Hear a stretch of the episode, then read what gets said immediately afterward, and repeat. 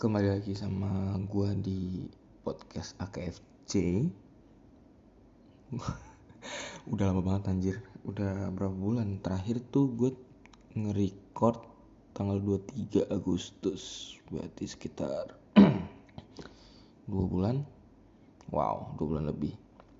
Ya nggak tahu kenapa ya, sorry. Em, pas bulan Agustus ke September itu gue ada sempet sakit dan gue agak parno takutnya gue kena covid lagi kan. Cuman setelah ditelusuri melalui tes segala macem eh, alhamdulillah gue hanya bermasalah di lambung jadi ya nggak terjadi covid lagi deh. Cuman karena penyakit itu gue sempet mood gue down banget sih. Jadi nggak sempet bikin sesuatu lagi sih. Ya paling sejauh ini gue streaming tapi streaming juga main game. Dengan ya seadanya doang cuma modalin HP aja main game senang-senang segala macam oke eh, untuk sesi kali ini eh, sebenarnya gue nggak ada kayak sebelumnya sih. Maksudnya dalam artian eh, gue mencoba untuk podcast solo. Dalam artian podcast ini bertujuan untuk mengungkapkan iya pemikiran gue aja sih berdasarkan tema yang gue pilih gitu. Jadi uh, gue sih berharap uh, ini cuman jadi sebuah pemikiran yang nantinya bisa bisa berkembang dengan baik sih nggak nggak ke mana-mana. Karena menurut gue segala sesuatu pemikiran atau pendapat atau opini itu iya terlepas dari benar atau enggaknya ya harus harus ada pemahaman dulu sih ada harus ada dicerna dulu harus ada di ngertiin dulu dalam artian kita bisa berdiskusi gimana caranya biar ketemu apa uh, solusi atau maksudnya apakah opini itu menjadi sebuah masalah atau atau malah opini itu menjadi sebuah uh, cara penyelesaian masalah dalam artian. Nah karena uh, ini perdana untuk season yang baru. Jadi gue bikin satu season khusus untuk solo podcast ini. Uh, jadi temanya itu pun juga menurut gue gue harus berangkat dari alasan kenapa gue pengen berpendapat dari podcast ini sih. Jadi uh, gue harus mengutarakan dulu sih definisinya. Jadi kita berangkat dari dua buah kata sih sebenarnya. Pendapat atau eh bukan atau sih pendapat dengan opini. Jadi saat gue sempat googling sih sempat googling sempat baca segala macem. Nggak segala macam sih cuma dua tab doang. Uh, pendapat menurut KBBI adalah sebuah pemikiran atau perkiraan tentang suatu hal seperti orang atau peristiwa. Di sini dicontoh menurut pendapat saya dialah yang benar. Jadi pemikirannya atau perkiraan tentang sesuatu ya. Nah, tapi kadang tuh kalau gua karena gua nggak terlalu paham mengenai struktur eh maksudnya penggunaan kata yang tepat segala macam jadi gue coba mencari kira-kira beda nggak sih antara opini sama pendapat? Dan saat gue lihat ternyata sebenarnya ada pembeda ada pembeda gitu antara opini dengan pendapat. Tadi kalau misalnya udah dijelasin uh, pendapat itu adalah sebuah pemikiran atau perkiraan tentang suatu hal. Ternyata kalau misalnya kita lihat dari dari definisi opini ternyata opini itu berbeda gitu ternyata opini itu adalah sebuah sikap sebuah pandangan atau sebuah tanggapan seseorang terhadap sesuatu fakta dan kebenarannya relatif. Nah di sini gue harus uh, menggarisbawahi tentang kebenarannya relatif. Karena kan kebenarannya relatif itu berarti kan nah di situ uh, ada sifat subjektifnya. Karena menurut pendapat dia gitu bukan berdasarkan suatu fakta. Mungkin berdasarkan suatu fakta tapi uh, pendapatnya dia terhadap fakta itu sih gitu. Bukan fakta itu sendiri. Kayak misalnya contoh uh, tinggi gua kurang lebih 165 cm nah kalau ada orang ber, beropini menurut menurut saya Acil itu pendek. Karena tingginya 165 cm tapi ada juga kan e, kemungkinan orang berpendapat menurut saya Ade itu tergolong tinggi. Karena tingginya 165 cm jadi ada ada sebuah ada sebuah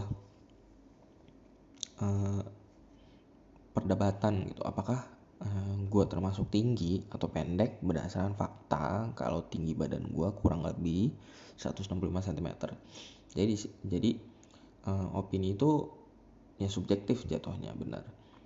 Apakah benar atau enggak balik lagi uh, ke ke opini dan masing-masing. Selama selama tidak ada mengandung unsur-unsur tertentu sih sebenarnya. Cuman nah di sini sih gue harus berpendapat dan menurut gue pendapat gue mungkin bisa dipertanggungjawabkan ataupun ataupun gimana ya gue agak susah nih untuk nyusun kata-kata yang karena solo podcast ini lebih ribet ternyata ya. Tapi uh, mengeluarkan sebuah opini uh, berdasarkan fakta itu menurut gue suatu hal yang wajar karena fakta fakta itu bisa bisa kita diskusikan gitu. Apakah fakta ini bisa berdampak baik atau berdampak buruk? Tapi pada dasarnya kalau misalnya kita bahas sesuatu mengenai sebuah opini mengenai hmm, ya pendapat terus mengenai fakta kadang kalau kita ngeliat dari situasi yang sekarang ya kayaknya itu kita harus cenderung berhati-hati apalagi di situasi ya kalau bahasa kerennya sih di era teknologi global di mana uh, kemampuan kita untuk mendapatkan informasi itu sangat-sangat baik karena ditunjang dengan adanya internet dan kita bisa mengakses melalui smartphone, melalui komputer, laptop atau desktop. Jadi banyak banget informasi-informasi yang kita bisa dapatin. Uh, dan akan tetapi kita belum bisa memastikan informasi-informasi yang kita dapatkan sebanyak itu apakah itu sebuah fakta ataupun sebuah opini gitu. Karena pada dasarnya kalau ya menurut di menurut gua di circle gua sih sejauh ini terkadang sedikit gitu yang berdasarkan fakta karena eh, paling gampang adalah gimana saat kita bereaksi terhadap sebuah konten di sosial media. Nah konten di sosial media ini kan sebenarnya belum tentu berdasarkan fakta kan kadang bisa banyak sekali bisa banyak sekali bentuk atau variasinya terhadap sebuah konten di sosial media itu. Kadang ada yang ya mungkin ada berdasarkan berita berdasarkan hmm, pengalaman hidup dia atau berdasarkan sosial eksperimen yang dilakukan kepada entah kepada orang lain atau kepada makhluk lain seperti hewan atau tumbuhan. Atau uh, saat dia uh, melakukan sesuatu untuk kesenangan dia sendiri gitu. Itu juga bisa bisa menjadi salah satu sebuah konten. Dan pada akhirnya uh, orang bisa beropini dari konten-konten yang orang yang mereka keluarkan gitu. Jadi kayak misalnya saat ya contoh kayak misalnya kayak gue sekarang membuat sebuah podcast dan menurut gue akan sangat lumrah kalau misalnya orang-orang menanggapi uh, konten podcast gue ini gitu. Entah itu baik atau buruk itu balik lagi tergantung dari opini mereka masing-masing. Selama menurut gue sih ya kalau gue sih nggak terlalu nanggepin sih. Cuman kadang kan ada beberapa orang atau oknum yang uh, menanggapi suatu suatu hal. Kayak contoh paling simpel menanggapi suatu konten itu terlalu ya dalam tanda kutip terlalu frontal terlalu lurus. Dalam, dalam artian nah, bisa menyinggung perasaan orang segala macam. Dan pada dasarnya menurut gue ya konten walaupun ya di dianggapnya buruk sekalipun dan itu menyinggung ya kita nggak bisa berbuat berbuat banyak hal gitu. Karena yang dikomentarin kan hanya kontennya gitu. Bukan berdasarkan personality dari si pembuat konten gitu. Kecuali kecuali uh, komentarnya sudah lewat dari jalur yang seharusnya gitu. Maksudnya dalam artian uh, misal dia konten sosial eksperimen tapi yang dikomentari uh, kepribadian dari seorangnya gitu gitu kepribadian dari si pembuat konten di sosial media itu loh. Padahal dalam artian ya itu nggak nggak masuk nggak masuk dalam apa yang dia ingin kemukakan di konten tersebut gitu.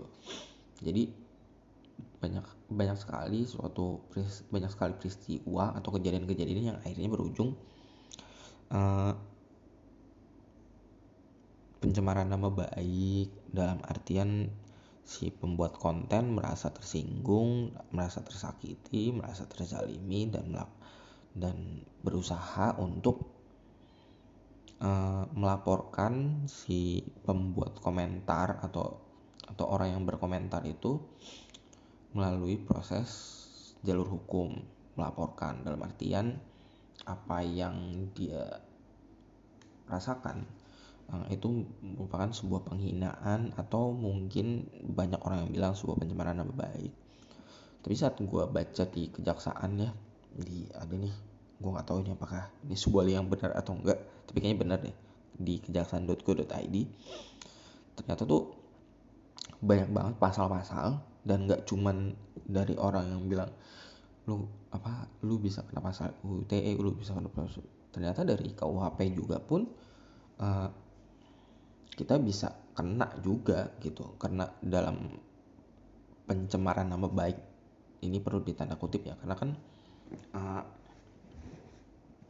biasanya kalau pelaporan-pelaporan terhadap uh, ketersinggungan akan akan sebuah hal tuh biasanya jatuhnya ke pencemaran nama baik gitu.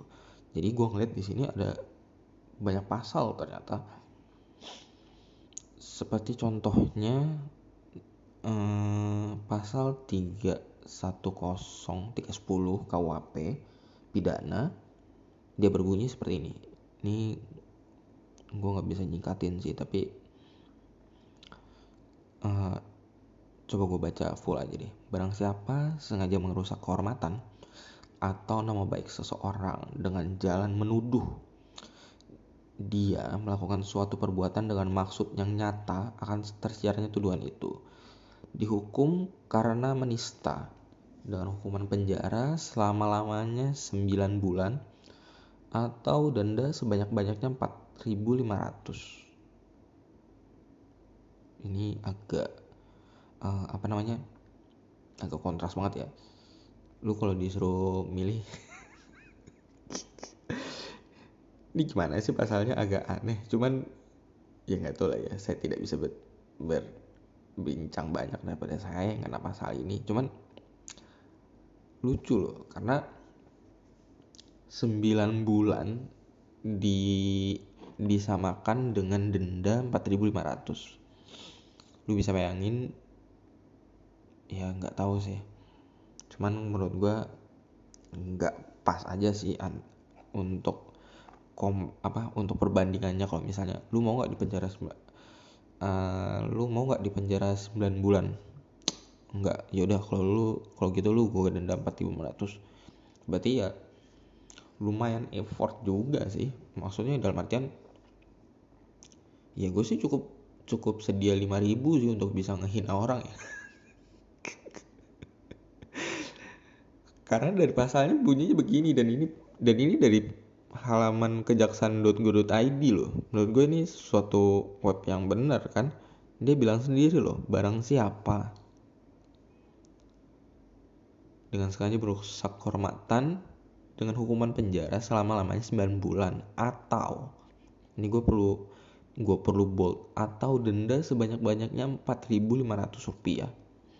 Jadi ya kalau misalnya lu di di pidana dengan pasal ini sih ya bawa 5000 juga lu masih masih kembali gope sih ini. Jadi agak-agak aneh ya. Cuman ya nggak tau lah ya. Cuman di sini ada ada satu ayat lagi di pasal 310 kalau hal ini dilakukan dengan tulisan atau gambar yang disiarkan dipertunjukkan pada umum atau ditempelkan maka yang berbuat itu dihukum karena menista dengan tulisan tak dengan tulisan dengan hukuman penjara selama lamanya satu tahun empat bulan atau denda sebanyak banyaknya 4.500 nah ini nambah lagi. Tadi 9 bulan eh, perbandingannya dengan 4.500 rupiah. Sekarang ini satu tahun 4 bulan itu bedanya berapa itu? 9 satu bulan itu 12 4 bulan berarti 16 9 sama 16 beda 7 bulan tapi dendanya masih sama 4500 ini agak aneh ya. Jadi kalau misalnya lu di dikenakan pasal 2 ini berarti lu cukup membawa uang 9000 dan mungkin selesai tapi nggak tahu lah ya. Soalnya ini tulisannya seperti ini sih. Tapi gue mungkin menjadi suatu pertanyaan sih. Apakah hukuman ini bisa diganti sama denda yang semurah ini. Karena ini lumayan murah loh. 4.500 dengan hukuman pidana 9 bulan atau hukuman satu tahun 4 bulan dengan pidan dengan denda 4.500 menurut gue ini perdebatannya mungkin banyak banget sih untuk pasal ini. Nah kita baru baru bahas satu pasal aja kayaknya agak menggelitik sih. Karena saat gua ngeliat di undang-undang ITE-nya itu malah nominalnya jauh banget sih. Dan di sini gue bisa ambil dari pasal 27 ayat 3 dia berbunyi setiap orang dengan sengaja dan tanpa hak mendistribusikan dan atau mentransmisikan dan atau membuat dapat diaksesnya informasi elektronik dan atau dokumen elektronik yang bermuatan penghinaan dan atau pencemaran nama baik. Dan di sini di, dijelasin di uh, di pasal 45-nya di Undang-Undang ITE-nya setiap orang yang memenuhi unsur sebagaimana dimaksud dalam pasal 27 dipidana dengan pidana penjara paling lama 6 tahun atau denda paling banyak 1 miliar rupiah. Di sini nah menurut gua eh, di sini tuh ada ada semacam perbedaan yang lumayan signifikan sih. Jadi orang kalau misalnya untuk melaporkan sesuatu pasti jatuhnya ke undang undang ITE Kenapa? Pertama dari segi pidananya, maksudnya eh, tuntutan pidananya yang bisa yang bisa dia dapat lumayan jomplangnya jauh sekali sih. Apalagi apalagi kalau kita perhati kalau kalau tadi lu perhatiin atau kalian semua bisa perhatiin dari omongan gue ya kalau kita lihat dari pasal 310 KUH pidana ini dia tanpa menggunakan elektronik maksudnya eh bukan tanpa menggunakan dia bisa semua media nggak cuma dari elektronik. Dalam artian uh, mungkin pakai pakai poster mungkin atau pakai surat atau apa pun itu itu dia dipidananya selama satu tahun 4 bulan atau 9 bulan atau denda sama-sama sih 4.500 sedangkan kalau misalnya kita lihat dari undang-undang ITE menggunakan elektronik dalam artian bisa pakai sosial media atau melalui televisi itu pidananya lebih lebih banyak lagi. Tapi kalau kita perhatiin kalau kita misalnya misalnya kita bikin perbandingan antara dengan menggunakan media elektronik atau tanpa media elektronik. Kalau misalnya kita lihat kalau misalnya kita uh, berpikir aja sebenarnya iya untuk penyebaran pendapat atau penyebaran suatu hal yang dikemukakan itu emang sih kalau kita kalau kita harus akui emang lebih cepat menggunakan media elektronik. Karena lebih cepat karena kalau di zaman sekarang orang bisa mengakses langsung entah itu lewat televisi atau lewat smartphone berdasarkan menggunakan internet. Jadi lebih cepat orang bisa nyampe dibandingin sama media selain elektronik. Kayak misalnya kayak tadi yang gue sebut kayak misalnya poster. Mungkin poster cuman cuman bisa menyangkut di suatu daerah tertentu gitu. Tapi kan kalau misalnya di elektronik itu kita bisa uh, sejauh yang kita bisa mampu selama uh, informasi itu diakses sama orang sama banyak orang gitu entah di mana pun posisinya. Jadi kalau gue kalau gue berdasarkan pendap berdasarkan pemikiran seperti itu sih agak make sense untuk bagaimana perbedaan dari uh, apa namanya pidana penjaranya. Bedanya mungkin gue bisa maklumin sih. Tapi kalau untuk maksudnya dalam dalam sejumlah angka apakah 9 bulan atau satu tahun 4 bulan di, dibandingin sama enam tahun itu uh, sebanding sama pemikiran gue gue nggak bisa nggak bisa uh, membenarkan sih. Maksudnya nggak bisa membilang itu sesuai atau enggak sih. Cuman dari logika sederhana uh, bagaimana orang bisa mengakses uh, suatu hal yang bisa berdampak pencemaran atau penghinaan itu berdasarkan ada satu elektronik satu media yang bukan elektronik uh, agak masuk di akal di situ untuk bisa membedakan ya pidananya uh, berbeda gitu. Kalau kalau dari logika sederhana gitu tapi besarannya nah itu sih mungkin bisa jadi perdebatan untuk lebih lanjut lagi sih. Tapi uh, agak aneh aja sih menurut gua hmm, pencemaran nama baik itu karena banyak banget yang orang menggaungkan pencemaran nama baik itu maksudnya gimana? Apa apa harus dilaporkan berdasarkan pencemaran nama baik pencemaran nama baik. Kita berkomentar di sosial media itu pencemaran nama baik. Jadi agak susah dan banyak orang bilang pasal banyak pasal di undang-undang ITE ini terlalu karet. Tapi gue nggak bisa berpendapat lebih banyak tapi uh, dari dari yang pasal ini pun sebenarnya uh, gue nggak terlalu gue nggak terlalu paham sih bermuatan penghinaan atau pencemaran baiknya itu sih. Cuman uh, kalau kita pakai maksudnya pakai ke logika maksudnya keseharian kita bagaimana kita interaksi sama orang ya nongkrong lah gitu sama temen. Kadang kan kita suka ya ngehina-hina sih. Kadang pakai panggilan nama pakai panggilan nama. Dan jujur kalau gue mau pidanain temen gue gue bisa gitu. Karena kan menurut gue menurut gue yang maksudnya kalau misalnya gue orangnya baperan atau sensitif panggilan gue ini juga termasuk mungkin bisa masuk pencemaran nama baik. Karena gue karena kan gue kenapa alasannya panggil acil? Karena di circle tongkrongan gue itu gue yang paling kecil gitu. Jadi gue dipanggil yang acil singkatan dari anak kecil.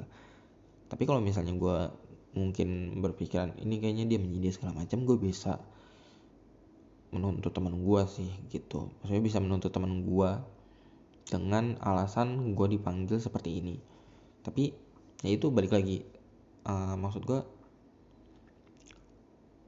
penghinaan dalam tanda kutip ini kalau kalau dalam dalam interaksi sosial segala macem jalurnya selalu abu sih. Karena uh, jatuhnya kita ber, apa memilah-milih gitu untuk menghina. Contoh dalam artian kita kalau sama temen kita bisa main hina-hinaan tapi sama orang lain nggak bisa. Dalam artian kan sebenarnya susah gitu loh. Susah untuk untuk bisa melakukan sesuatu hal yang menurut kita itu biasa aja gitu. Dan pada dan pada lain kesempatan pun bisa jadi saat kita main hina sama temen itu juga bisa berubah menjadi suatu pencemaran nama baik. Dan ya siapa tahu mungkin dia lagi bad mood segala macem ya ujung-ujungnya bisa diaduin berdasarkan pasal-pasal yang di undang-undang ITE ini. Kita nggak tahu gitu. Cuman ya balik lagi. Menurut gue penghinaan ini agak-agak susah sih. Karena balik lagi jatuhnya itu menurut gue jadi sebuah opini gitu. Nggak bisa objektif dan nggak bisa subjektif nggak bisa objektif karena terlalu subjektif untuk penghinaan gitu. Dan banyak yang kita lihat maksudnya kita lihat kita dengar. Eh, terkadang saat kita menghin saat saat terjadi penghinaan itu yang dihina itu belum tentu merasa terhina gitu. Malah orang lain dalam tanda kutip merasa membela karena penghinaan dari orang yang dihina gitu. Itu banyak banget sih fenomenanya. Dalam artian misal kayak gini. Uh, gue punya temen anggaplah A dan gue maksudnya meng, ya istilahnya ya hina-hinalan sama temen temen temen gue si A ini. Terus ada orang lain tuh dia melihat wah ini uh, dia kok ngehina gini sih gitu segala macam. Muncul opini pendapat dia kalau itu tidak baik segala macam. Padahal dalam artian gue sama si A ini ya biasa aja gitu. Dan sudah lumrah untuk melakukan penghinaan. Dan di sini kan jadinya agak agak susah untuk untuk kita bisa ngelurusin gitu. Karena pada dasarnya seharusnya yang yang jadi yang jadi concernnya apakah gua merasa terhina dari hinaan si A atau sebaliknya gitu. Apakah si A merasa terhina terhina dari dasaran hinaan gua gitu. Dan orang lain kalau misalnya merasa tersing merasa ke trigger dengan dengan adanya interaksi sama gua interaksi gua dengan teman gua si A ini dalam main hina-hinaan itu gua jadi jadi bingung gitu. Kenapa gitu? Kecuali interaksi gua ini mengganggu banyak orang gitu. Tapi kalau misalnya dalam artian circle maksudnya ya dalam jarak dekat terus juga enggak eh, nggak dalam suatu forum formal. Nah ini nih banyak banget banyak banget indikator-indikator yang menurut gue perlu dipahamin berdasarkan dalam tanda kutip norma gitu. Gue harus pakai tanda kutip karena norma ini kan nggak semua orang sama gitu. Norma apakah norma norma ini gue ini sama dengan yang lain atau enggak gitu. Mungkin ada beberapa hal yang sama atau banyak ada yang sama. Cuman kan ada mungkin ada satu satu dua poin atau perintilan perintilan yang mungkin berbeda gitu. Jadi agak susah sekali lagi untuk uh, maksudnya untuk mengetahui apakah hina-hinaan ini bisa di, bisa dipidanakan bisa dipidanakan atau enggak gitu. Karena kalau kita balik dari undang-undang ini bisa dipidanakan. Tapi menurut kita segala macam maksudnya gue sama temen gue yang saling menghina ini ya buat apa untuk untuk saling pidana gitu? Kecuali yang mungkin nyari duit kali ya. Cuman ya mungkin sih duit dapat cuman kan ada juga nanti yang masuk penjara kan aneh gitu jadi ya agak aneh sih untuk untuk uh, melihat apa sih uh, dampak yang kita bisa dapat saat kita ber, beropini. Dan opini itu kita sebarluaskan ke banyak orang gitu. Karena menurut gua opini ini ya balik lagi bisa berdampak baik dan bisa berdampak buruk karena lagi-lagi berdasarkan definisinya aja pun juga kebenarannya relatif. Dalam artian ya kita nggak bisa kita susah untuk mempertanggungjawabkan apakah kebenarannya ini fakta atau tidak gitu. Mungkin dia mau bertanggung jawab atas opini dia tapi apakah ini sesuai fakta? Ya belum tentu gitu. Jadi uh, intinya gue langsung closing aja ya karena gue udah capek sebenarnya. Jadi intinya menurut gue uh, susah untuk bisa beropini di situasi zaman seperti ini gitu. Karena selalu selalu bisa munculkan potensi perdebatan-perdebatan yang menurut gua ini terlalu aneh sih. Dan lagi untuk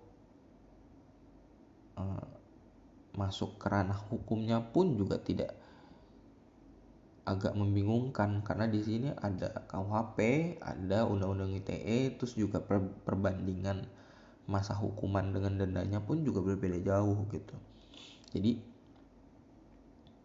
susah banget sih untuk bisa uh, beropini dengan nyaman sih. Gue sih nggak bilang ini freedom freedom of speech enggak, tapi ada kalanya orang bebas untuk ngeluarin suatu pendapat gitu. Entah itu dia terlalu frontal entah itu dia menggunakan bahasa kasar atau apa pun itu. Selama opini itu ya ditujukan untuk suatu hal yang yang sedang dia opinikan gitu. Tapi kalau misalnya dia menyentuh uh, maksudnya menyentuh personal orang misalnya dalam artian ngecengin fisik tapi susah juga sih. Karena di tongkrongan gue pun juga kalau untuk ngituin fisik nggak masalah. Jadi serba membingungkan sih. Cuman nggak tahu deh. Ya mungkin mungkin bakal ada sebuah artikel atau sebuah berita yang bakal bisa mengulas lebih banyak sih mengenai uh, opini atau pendapat ini. Karena di situasi seperti ini apa sih indikator untuk kita bisa bebas beropini atau berpendapat gitu? Apakah uh, kita harus menyesuaikan fakta? Ya nggak tahu juga gitu. Karena balik tadi dari contoh simpel gue tadi aja berdasarkan tinggi badan gue orang bisa menyimpulkan pendek orang bisa menyimpulkan tinggi. Tergantung dari persepsi orang masing-masing gitu. Jadi susah balik lagi. Dan efek maksudnya dan uh, after effect dari opini misalnya apakah gue tersinggung dari contoh tinggi badan itu misalnya ada yang bilang pendek terus gue tersinggung apa enggak. Kalau misalnya ada yang bilang tinggi gue juga tersinggung apa enggak itu juga jadi membingungkan juga sih membuat gue ya cuman nggak tau lah ya. Ini jadi misteri sih. Tapi mungkin gue sih berharap ada ada pencerahan sih. Apakah kita bisa beropini dengan nyaman atau uh, kita perlu tahu dulu nih indikator-indikator apa sih yang kita nggak boleh uh, lewatin lah. Jadi kita bisa kita bisa beropini tapi selama nggak nyinggung atau nyenggol dari indikator-indikator yang udah dijelasin. Karena menurut gue batasannya itu pun juga susah susah di di didapat gitu karena balik lagi persepsi orang beda-beda. Oke. Okay. ya podcast solo ini lumayan berantakan sih. Tapi tapi menurut gue tema ini lumayan menarik sih. Jadi gue pengen pengen ngungkapin gitu karena ya ini perdana dari season season untuk solo podcast ini. Dan menurut gue ini sebuah sebuah tema yang sampai sekarang menurut gua belum bisa ditemukan jawaban enaknya gitu. Orang bilang yang penting jangan berkata kasar yang penting jangan ini jangan yang penting jangan itu. Tapi tidak menyenangkan uh, hasrat gua untuk oke okay, ini ini oke okay buat gua oke okay untuk gua berpendapat sih. Jadi thank you semua yang udah dengerin. Dan gue usahain podcast ini bisa bisa jalan setiap minggunya sih. Jadi terima kasih yang udah dengerin. So thank you semua. Stay safe. Bye